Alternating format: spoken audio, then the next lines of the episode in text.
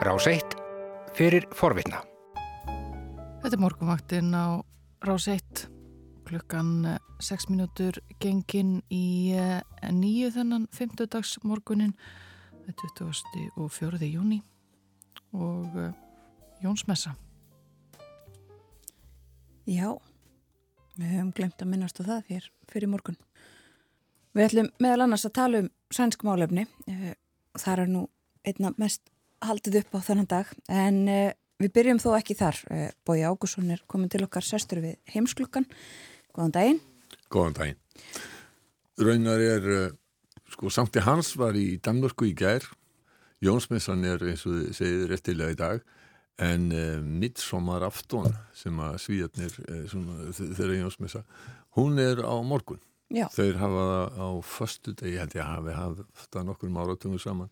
Svíjar ef að ég maður rétt, þá hafa þið fært þessa frídaga og, og svona háttíðsdaga sem að eru ég er gætna hjá okkur það er núna eiginlega búið mikið lota frídugum og fymtudugum mm. þetta var síðan fært á fasta svo fólk fái bara að reyna langa helgi Mitt og mjög praktist sérstaklega á þessum degi þegar uh, svíjar fagna vel og mikið Já. að hafa það ekki inn í miðri viku Akkurat, snýsta einhverju leitir ekki um það er mitt að vaka fram á nótt En já, við tölum um uh, ekki þetta en, en sænsk stjórnmál hér á eftir en við ætlum hins vegar að byrja á Norður Írlandi.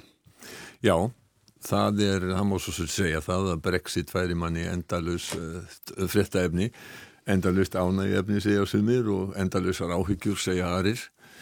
Uh, það sér ekki fyrir endan á því þó að nú séu fimm ár frá því að brettar uh, kusu að í þjóðaratkagreyslu að fara út úr Európusambandinu. Já, maður vilja segja með þennan, þennan morgun fyrir fimm árum síðan hafi einhverjir vaknað upp við vondan draum og aðrir verið eh, kátir. Já, vissulega, 51,2% kjósenda í Breitlandi ákáði að yfirgeða Európusambandið og það hefur síðan axlast þannig uh, í þessum gríðarlega lungu samninga við ræðan bæði innan Breitlands og milli ímis uh, afla þar það brexit sem að varðu ofan á og var ekkert mjög mikið talað um í kostningabaröðunni er þetta sem þið kalla hard brexit.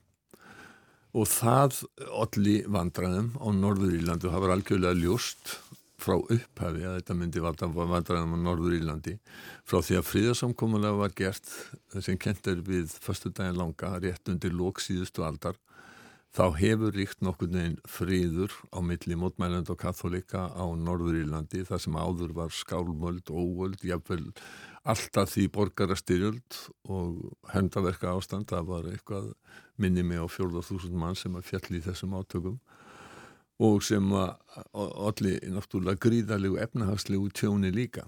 Frá þessum tíma hefur verið mikil uppbygging uh, og uh, í rauninni engin, þetta hefur Írland hefur verið efnahagslega eins og eitt ríki. Mönnum var mjög í mun að Brexit leiti ekki til þess að þessum fríðarsamningum yrði ógnað og að uh, það kæmi ekki til þess að það yrðu landamæri aftur á milli Norður Írlands og Írlands. Núna sér enginn þessi, þessi landamæri. Þetta er bara eins og að fara úr Rangavallarsíslu yfir Járnisíslu. En uh, það er alveg ljóst að uh, slíklandamæri þau myndu auka mjög spennuna á Norðurílandi og, og ógna þeim fríði sem að þar hefur verið þó að hann hafi nú ekki verið algjör. En með hvað hættim á að gera þetta? Uh, vegna þess að uh, Írland, Írska líðveldið, Suðuríland, er í Evrópasambandinu og er ekkert á förum. Og Norðuríland er hluti af Stóra Breitlandi og farið út. Og hvernig á að, að samræma það að Norður Írland uh, geti verið hluti af báðum þessum uh, stæri einingum? Hluti af indri markaði Evropasambansins í tollabandalagi og, og fríveslunabandalagi með frjálsum fólksflutningum og síðan uh, líka hluti af Breitlandi og til þess að leysa þennan Gord Jónsnút já, má svo sem segja að Boris Jónsson hafi hokkið á hann með því að fallast á það sem að Theresa May sagði á sínum tíma sem fórsættisráþurra að engin breskur fórsættisráþurra myndi nokkur sinni fallast á.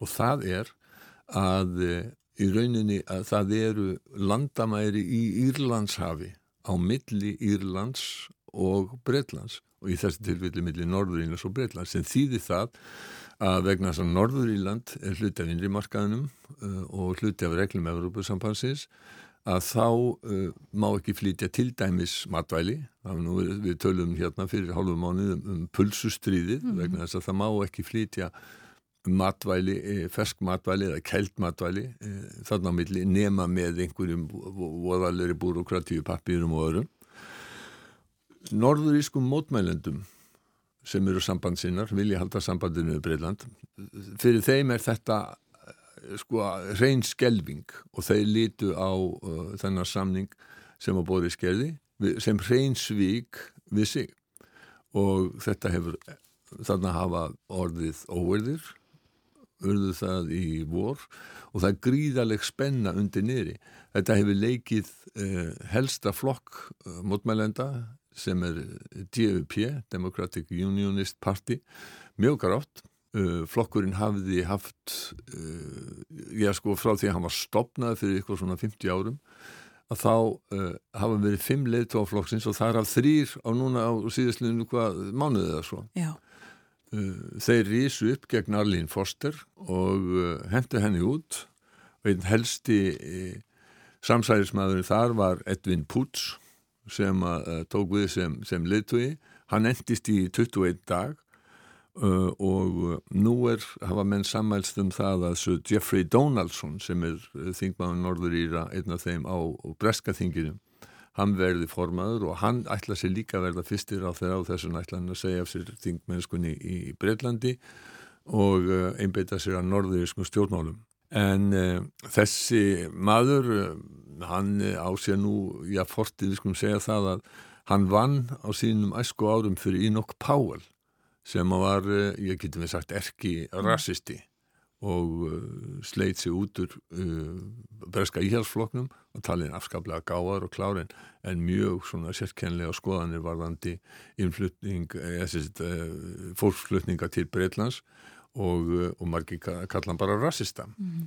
kannski er hann frægastu fyrir það að uh, eftir honum er haft að Svo hann hafi vísi ekki sagt að algjörlega eins og uh, það er oftast haft eftir honum, það er að all political careers end in failure allir stjórnmálaferðlar enda uh, í, í, í skelvingu Já. eða mistakast og, og má svo svindlis að færa það er afar algengt að, að, að stjórnmálamenn þeir rökklist frá völdum vegna einhverja mistaka. Húsum bara tóni í blér og uh, eða til því sem ei þetta er mjög mörg dæmi um þetta. En sem sagt Svo Jeffrey Donaldson, hann heimtaði það að það erðu gerða breytingar á þessari bókunum Norður Íland, svo kallar Northern Ireland Protocol sem að gildir um, uh, sem er sér ákvæði í Brexit samningnum um Norður Íland og þar á meðal með þetta að Norður Íland sé hluti af innri markaðanum þá segja katholikar segja, eh, í sín fein þeir segja bara neytak þið gerðuð þennan samning þið stuttuð brekt þetta harða brexit nú skulle þið bara sætt ykkur við afleðingarna og uh, síðast í gær að þá var Missil O'Neill sem er eh, leiðtói í sín fein á Norður Írlandi þá sagði hún eiginlega nákvæmlega þetta hún sagði að þessi bókun þessi viðauki Eh, um Norður Íland væri það sem að garanteraði það að Brexit færi ekki út í einhverjar öfgar og þeir getur bara hægt að hugsa um það að, að, að breyta þessu, heyrim í henni. But the protocol is the best mitigation we have against the worst excess of Brexit, which the DUP themselves helped to deliver, the hardest possible Brexit. So it's now time to get on with power sharing. It's now time to make the protocol work. It's time to iron out the issues that need to be resolved. We can do that in, in the mechanisms that were agreed in the withdrawal agreement. So ditching the protocol is not an option on the table. Ditching the agreement is not an option, segir Missil O'Neill. Nei, og þetta rýmar svona svolítið við það sem var talað um í Európu í aðdrahanda G7-fundarinn sem mitt fyrir í mánuðinu með mitt þetta, þið gerðu þetta samkominlag uh, standiði við það? Nákvæmlega, nákvæmlega. Uh, síðan er framöndan uh, spennu tíma á Norðurlandi því að nú eru mótmæliðunir að fara í, í sína áralegu göngur til þess að minnast þess að að eh, Vilhjálmur konungur af Óraníu vann uh, sigur á Jakobi öðrum eh, brettakonungi eh, í orðstunum við Bóin árið 1690 það er meðan gleym ekkert eh, einuðan einu þarna á Norrlandi það er þessu er viðhaldið og ég, maður sér ekki að sér ekki neina auðvelda leið til lausna þarna vegna þess að til dæmis það ríkir algjört vantröst á milli e, trúarhópana þarna Já. þó kannski ramt að kenda við trúarhópa því þetta er stjórnmálskoðan svona leimföldun og þá tölum við um mótmælindur og katholika mm -hmm. Já, þetta heldur áfram Við var lítið eftir að tala eitthvað meira en þetta Já, mm. uh, og þetta halda því fram eins og margt annað sem tengist Brexit þó að með þessi fimm já. ár séu liðin. Já, og næsta atriði tengist kannski Brexit pínu okkur lítið líka. Já, það er uh, þetta atviku myndist að hans á þetta þetta er á fórsíðunum uh, flöstum uh, í Englandi þennan í dag það er þetta atvik á Svartahafi í gær. Já, það tengist Brexit að þýlitinu til að breyta hafa breytt um utanrikistefnum þeir töluðu mikinn um það að þeir erðu sko global breyttin alheims Breitland eftir að hafa farið úr Európa-sambandinu og ætluði að gera sér gildandi um, um viða veröld og breski flotin var náttúrulega grunnurinn að því að þeir eignuðust heimsveld á sínum tíma og nú er verið að beita breska flotanum eins og, eins og hann ráði öllu á heimsögunum eh, en þann dag í dag sem er náttúrulega náttúrulega út í hött.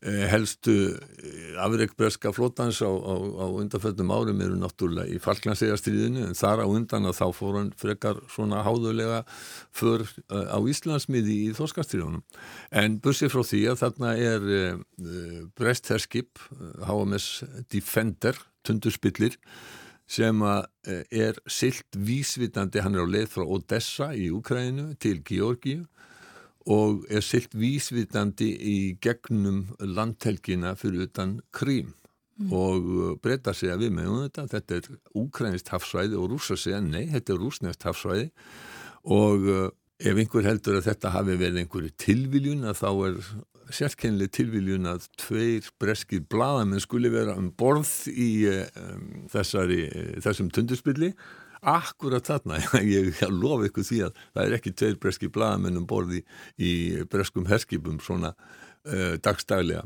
Nei. En uh, þarna eru þeir um borð og annar þeirra er, er frá BBC og hann er með myndatökumann og hann tekur upp og, og þetta verður sko svona mikil aksjón og eins og í hasar, bara góðri hasarmynd Í breskaflótanu þegar þeir eru að búa sundi bardaga þá fara þeir í þess að þeir kalla action stations, þetta heitir í ameríska flótanum battle stations en uh, það var akkurat það sem að þeir gerðu þarna í gerð.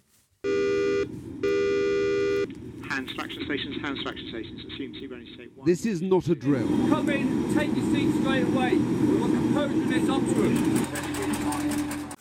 Þarna er greinlega mikil aksjón og hasar enda eru rússarnir þarna rétt hjá og rúsnest strandgjæslu skip að það kallar í Britana.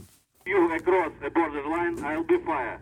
If you don't change the course I'll be fire. Do you read me over?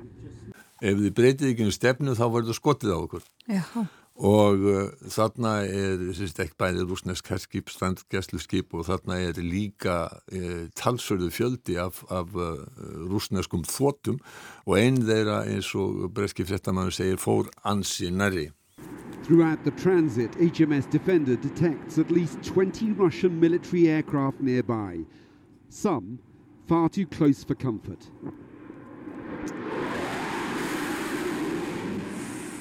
Og þessu náðu fréttamenninir öllu já, já, á myndband og í hljóði. Þetta gerist nú ekki alveg þarna.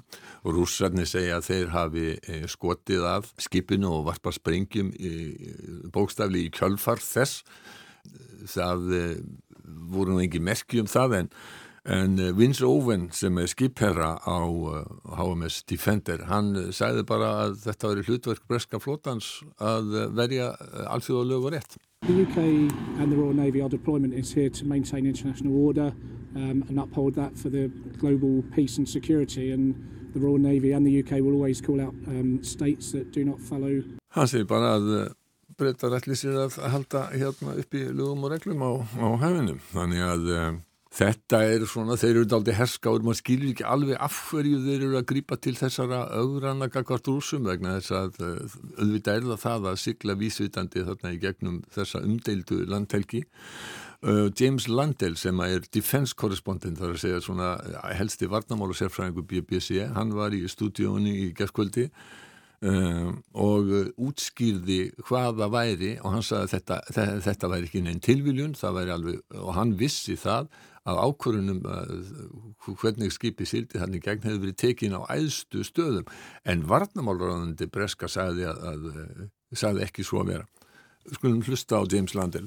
It was clearly a deliberate decision. Defender could have taken the southern, greater southerly route away from Crimea. It chose not to to assert its right to freedom of navigation in what the UK considers to be international waters. I'm told that's a decision, by the way. taken at the highest level of the British government. This was not a casual uh, decision made at all. As one source said to me, Defender was there to not pick a fight, but to make a point. Já. Defender var þarna ekki til þess að, að standi í slagsmálum, heldur til þess að, að leggja áherslu á, á, á þessa, þetta stefnumál breyta að, að þeir mættu sigla þarna eða þeim síndist. Akkurat. Fórinu svíþjóð. Já, ef við ekki að gera það fyrst við lofuðum því nokkra mínútur eftir. Já eins og flestir hlustendur veintalega vita þá fjall sænska stjórn á mándagin. Þetta var minni hlutastjórn jafnaða mann og umhverjusflokksins græningja miljöpartiet en hún naut stuðnings tveggja borgaraflokka, senderpartiet, miðflokkurinn og skal ekki ruggla saman við íslenska miðflokkin því að þetta er uh, sýsturflokkur fransunarflokksins og hitt er liberalena, frjálslindir sem er hitt áður fólkpartiet Uh, Þessi flokkar gerðu það skýlirði fyrir stuðningi við stjórnina í svo kallu januar uh, samkómulagi uh, að það yrðu gerðar ákvæmna breytingar á stjórninni á, á, á sagt, þeir vildu koma ákvæmnu stefnumálum sínum í gegn. Mm -hmm. Þar á meðal að yrði aflétt þaki á húsalegu í nýbyggingum og þetta gáttu vinstri menn, eh, vinstri í flokkunni sem að líka stuttir ríkistjórn ekki í sætt sér við og lístu þessuna yfir að þeir stutt ekki Stefan Löfven lengur og stuttu þess vegna tillugu Svíþjóðademokratana uh, sem er náttúrulega lett faralett uh, á, á mándagin og, og stjórnin fjall og uh, það er kannski rétt að rifi að það upp að vinstirflokkurinn, hann hétt áður sko vinstirflokkurinn kommunistarnir svo menn hafi það á hreinu og, og, og, og hinum einur síðjóðdemokraterni með klára rætur í nínasískum reymingum mm. þannig að þarna varð til uh, vanheilagt bandalag getur við sagt. Og nú uh, er spurningin hvað Stefan Löfven gerir? Hann hefur fram á, á mándaskvöld að ákveða hvort að hann vísi málunu til eh, fórsetasenska þingsins sem að hefur eh, stjórnamyndunar umbúð því að kongurinn hefur ekkert valdið síðu eh, eða hvort hann búið allir nýra kostninga og það er afskaplega fá, fái leikir sínismanni sem Stefán Löfven á, á í stöðunni. Þó breytist þetta aðeins vegna þess að miðflokkunni sagði gær Anni Löf að hún sagði það að, að hún væri til í að miðflokkurinn legði ekki lengur áherslu á það að húsalegu þakkið yrði, eh, yrði afnumið. Áður hafði Anni Löf sagt að hún vildi gætnan að eh, Stefan Löfven yrði áfram og það yrði gerða breytingar á þessu januar uh, samkómulegi. Det finns så mycket mer att göra för landsbygden, för miljön, för jobben och vi är beredda att stödja Stefan Löfven igen med januariavtalet som grund. Já.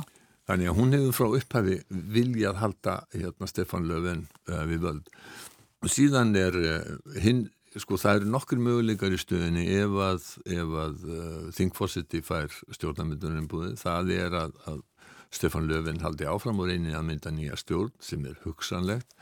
Það er mögulegt að, að Ulf Kristersson leiðtögi moderatana sem er hægriflokkurinn í, í Svíþjóð uh, takki við og það er mögulegt líka segja sumið sérfræðingar að Anni Löf uh, verði fósættisráþurra og reyni að uh, mynda brú þarna yfir miðjuna.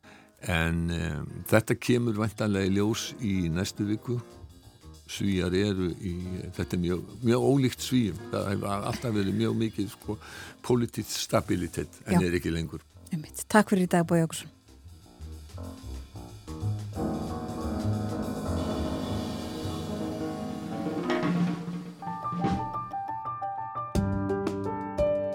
Þú varst að hlusta á hlaðvarpsþátt frá Rás 1. Ef þið langar til að heyra meira, farðu þá á rúf.is skástrygg hlaðvarp eða spilaran á rúf.is skástrygg útvarp.